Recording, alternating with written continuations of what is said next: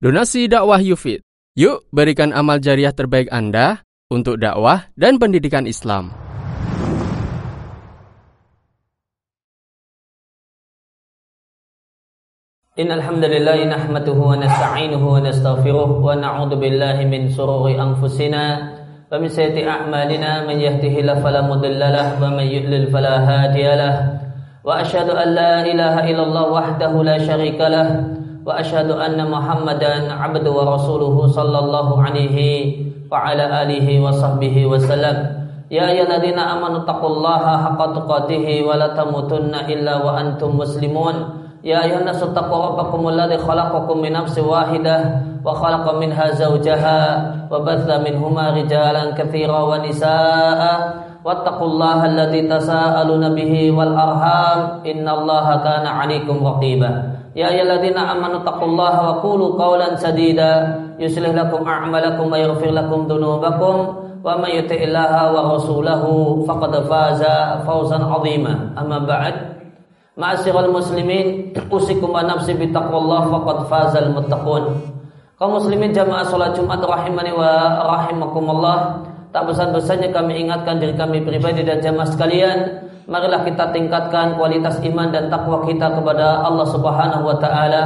Dengan kita bersungguh-sungguh menjalankan berbagai hal yang diperintahkan oleh Allah dan Rasulnya dan kita jauhi sejauh-jauhnya berbagai hal yang dilarang oleh Allah Subhanahu wa taala dan Rasulnya.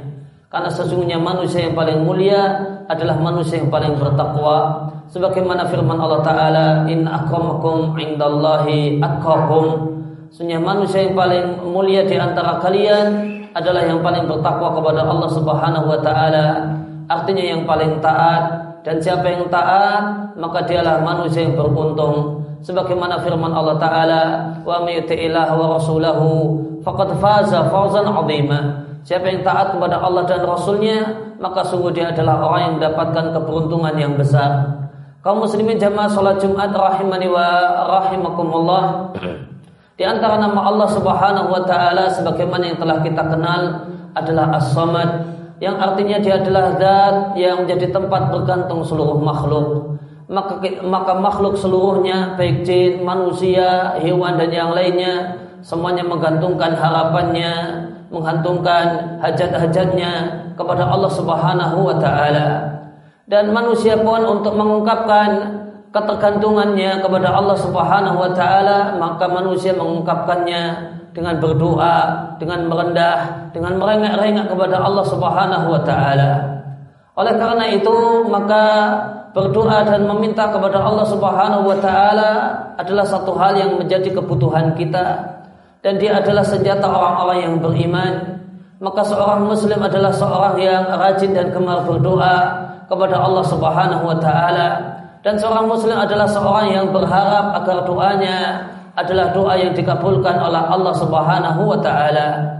Berkenaan dengan doa yang dikabulkan oleh Allah Subhanahu wa taala dan doa yang tidak Allah kabulkan, maka kita jumpai satu hadis yang diatkan oleh Muslim dari sahabat Abu Hurairah radhiyallahu taala anhu Rasulullah sallallahu alaihi wasallam bersabda, "Innallaha thayyibun la yaqbalu illa thayyiban." Sesungguhnya Allah Subhanahu wa taala adalah zat yang tayyib, zat yang baik dan tidaklah menerima kecuali yang baik. Tidak menerima kata-kata kecuali yang baik, tidaklah menerima tutur kata, tidaklah menerima perbuatan kecuali perbuatan yang baik, tidak pula menerima jiwa kecuali jiwa yang baik. Demikian juga tidaklah menerima doa kecuali dari orang-orang yang ya, uh, tubuhnya itu tumbuh besar dan dimasuki oleh hal-hal yang baik. Sebagaimana lanjutannya hadis. Kemudian wa inna Allah amara mu'minin bima amara bihil mursalin. Sunya perintah Allah Subhanahu wa taala kepada orang-orang yang beriman adalah sama dengan perintah Allah Subhanahu wa taala kepada para rasul. Semua mereka baik rasul ataupun orang-orang yang beriman mendapatkan perintah Allah yang sama yaitu perintah untuk makan yang baik-baik Sebagaimana firman Allah Ta'ala, Ya ayah rusulu kuli minat tayyibat wa'amalu salihah. Wahai para rasul, makalah makanan yang halal, yang tayyib, hindarilah dari makanan yang haram dan yang subhat, yang tidak jelas kehalalannya. Wa'amalu salihah dan kerjakanlah amal-amal saleh. Dan Allah perintahkan orang-orang yang beriman, ya ayyalladzina amanu kulu min thayyibati ma.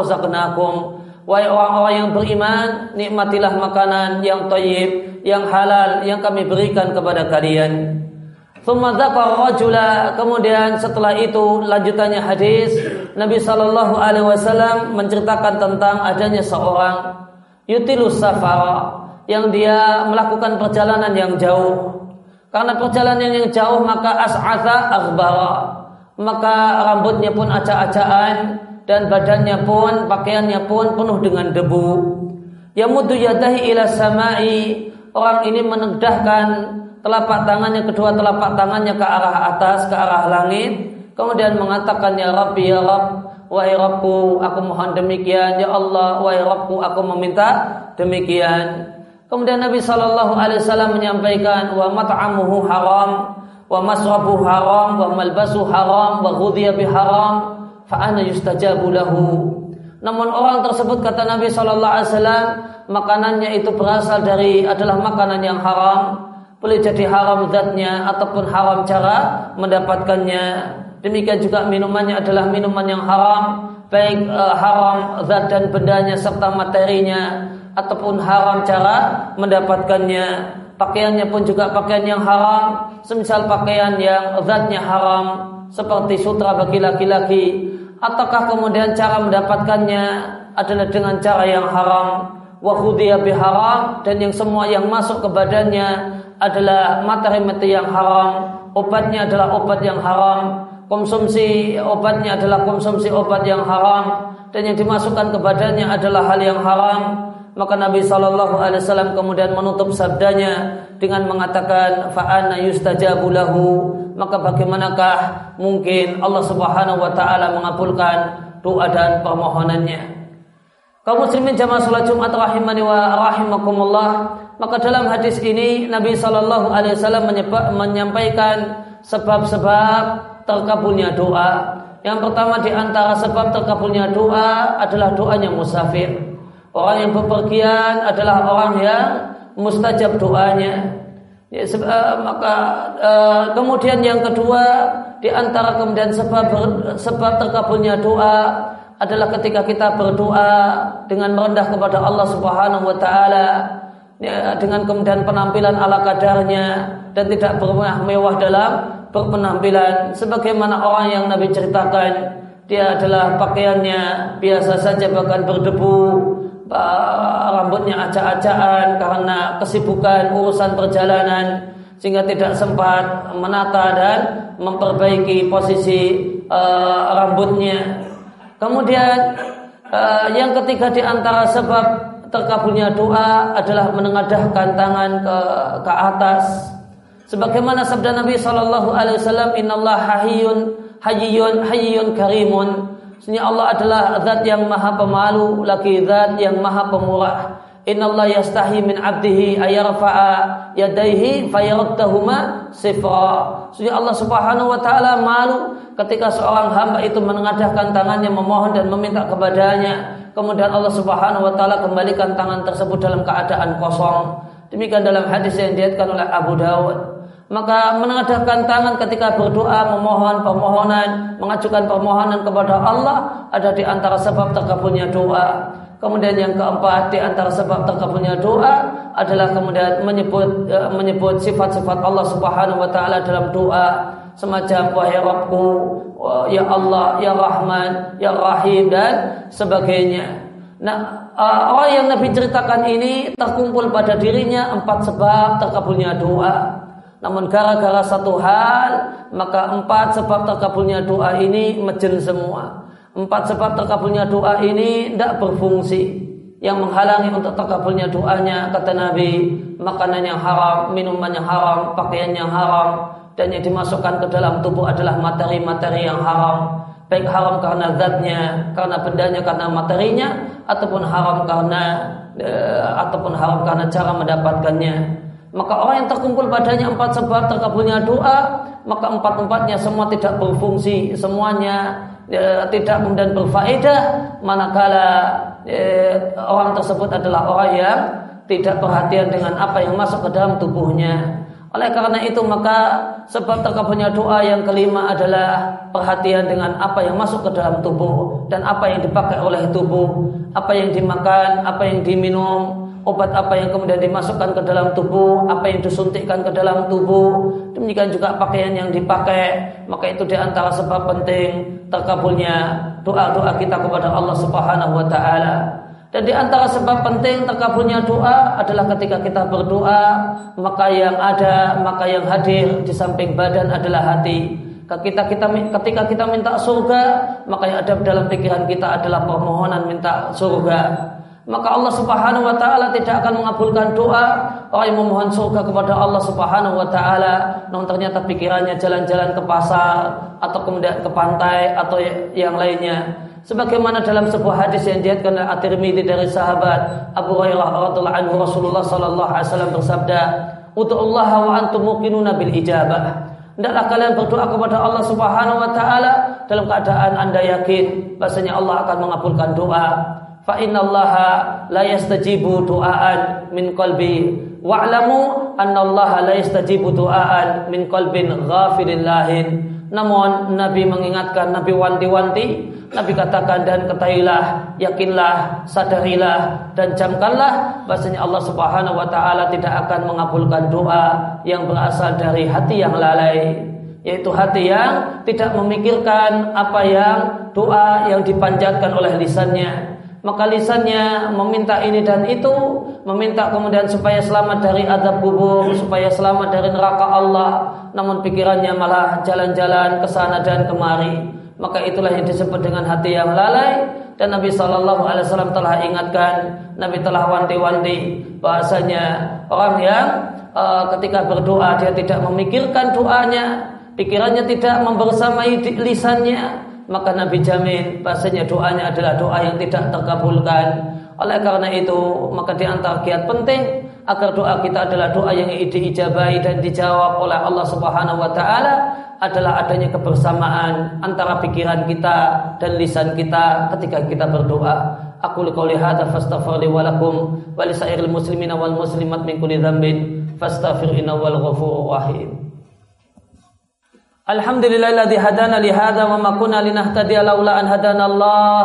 Laqad ja'at rusulu rabbina bil haqq wa nudu an tilkumul jannatu uriftumuha bima kuntum ta'malun wa asyhadu an la ilaha illallah wahdahu la syarika lah wa asyhadu anna Muhammadan abdu wa rasuluhu sallallahu alaihi wa ala alihi wa sahbihi wa sallam amma ba'd usikum wa nafsi bi taqwallah faqad fazal muttaqun kaum muslimin jamaah salat Jumat rahimani wa rahimakumullah Eh, namun ada doa satu hal yang patut kita ingat, ada doa yang dicela oleh Allah Subhanahu wa taala.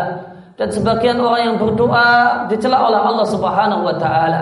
Siapakah dia? Bisa kita jumpai di surat Al-Baqarah ayat yang ke-200. Allah Subhanahu wa taala berfirman, "Faminan nasi mayaqul" Maka di antara manusia ada orang yang berdoa, "Rabbana atina fid dunya." Ya Allah, berikanlah kepada kami di dunia Berikanlah kepada kami nikmat-nikmat duniawi. Wa malahu fil akhirati min khalaq. Dan tidak ada baginya bagian di akhirat sedikit pun.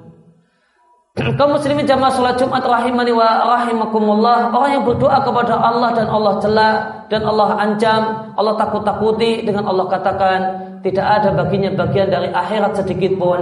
Adalah orang yang ketika berdoa kepada Allah Subhanahu wa taala maka yang diajukan adalah hanya hanya permohonan-permohonan duniawi saja.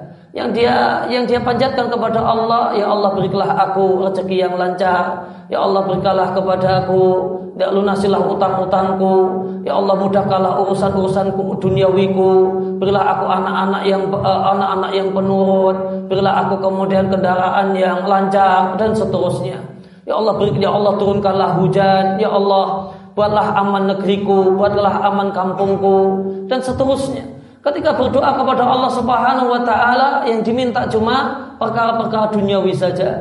Dia tidak pernah berdoa dan memohon kepada Allah, Ya Allah ringankanlah hisabku, Ya Allah selamatkanlah diriku dari azabmu, Ya Allah kemudian selamatkanlah aku dari siksa kubur, Ya Allah uh, selamatkanlah aku dari siksa neraka dan seterusnya. Doanya kepada Allah Subhanahu wa taala hanya doa-doa yang bersifat duniawi saja. Maka orang yang rajin dan suka berdoa kepada Allah non cuma minta hal-hal yang bersifat duniawi, ya, ujian lulus, ya, utang lunas, kemudian kreditan cepat lunas dan seterusnya, namun tidak pernah berdoa kepada Allah meminta hal-hal yang bersifat akhirat, maka dia adalah orang yang berdoa yang Allah cela di surat Al-Baqarah ayat yang kedua eh, ayat yang ke-200. Dan orang yang berdoa kepada Allah Subhanahu wa taala hanya meminta dunia saja, maka itu ada dua macam. Yang pertama adalah orang yang redaksi doanya hanya meminta hal-hal yang bersifat duniawi, tidak pernah minta hal-hal yang bersifat akhirat. Kemudian yang kedua adalah orang yang ketika berdoa kepada Allah Subhanahu wa taala minta dunia, maka dia bisa fokus. Maka hatinya pun hadir ketika dia mengadu kepada Allah tentang banyaknya utangnya, syaratnya rezekinya, maka dia bisa menangis. Maka dia bisa demikian khusyuk dan demikian perhatian. Hatinya sama dengan lisannya. Pikirannya sejalan dengan lisannya. Namun ketika doa minta akhirat, doa minta kemudian supaya selamat dari azab kubur, supaya ringan hisab, mudah untuk melewati sirat, maka pikirannya jalan ke mana-mana. Maka pikirannya rekreasi di mana-mana. Maka jika berdoa minta dunia, maka bisa demikian perhatian. Namun ketika doa minta akhirat, maka pikirannya tidak perhatian sama sekali. Sehingga doanya hanya sekedar doa ucapan lisan yang sebagiannya adalah gerak otomatis tanpa kemudian ada penghayatan dan pemaknaan maka ini juga tergolong orang yang berdoa hanya minta dunia saja tanpa minta akhirat dan Allah Subhanahu wa taala mengatakan faminan nasi may rabbana atina fid dunya wa fil akhirati min khalaq. Dan di antara manusia ada orang yang hanya minta dunia saja namun maka oleh karena itu tidak ada baginya bagian dari akhirat. Sedikit pun. Semoga Allah Subhanahu wa taala melindungi kita dari sikap perbuatan dan kondisi jiwa dan hati yang demikian. Allahumma salli ala Muhammad wa ala ali Muhammad kama sallaita ala Ibrahim wa ala ali Ibrahim. Innaka Hamidum Majid. Wa barik ala Muhammad wa ala ali Muhammad kama barakta ala Ibrahim wa ala ali Ibrahim innaka Hamidum Majid. Allahumma ighfir lil mu'minina wal mu'minat wal muslimina wal muslimat. Al ahya'i minhum wal amwat. Innaka antas sami'un qaribun mujibud da'wat. Innaka anta ala kulli syai'in qadir. Rabbana fir lana dhunubana wa li walidayna warhamhuma kama rabbayana shighara Allahumma inna nas'al huda wat tuqa wal 'afafa wal ghina. Allahumma inna nas'aluka hubbaka wa hubba man yuhibbuka wal amal alladhi yubalighu hubbaka. Rabbana hab lana min azwajina wa dhurriyyatina qurrata a'yun. Waj'alna lil muttaqina imama. Allahumma amina fi awtanina wa asli a'immatana wa wulata umurina wa a'inhum ala ada'i amanatihim. Rabbana atina fid dunya hasanah wa fil akhirati hasanah wa qina adzaban nar. Wa sallallahu ala nabiyyina Muhammadin wa ala alihi wa sahbihi wa sallam wa arju da'wana alhamdulillahi rabbil alamin.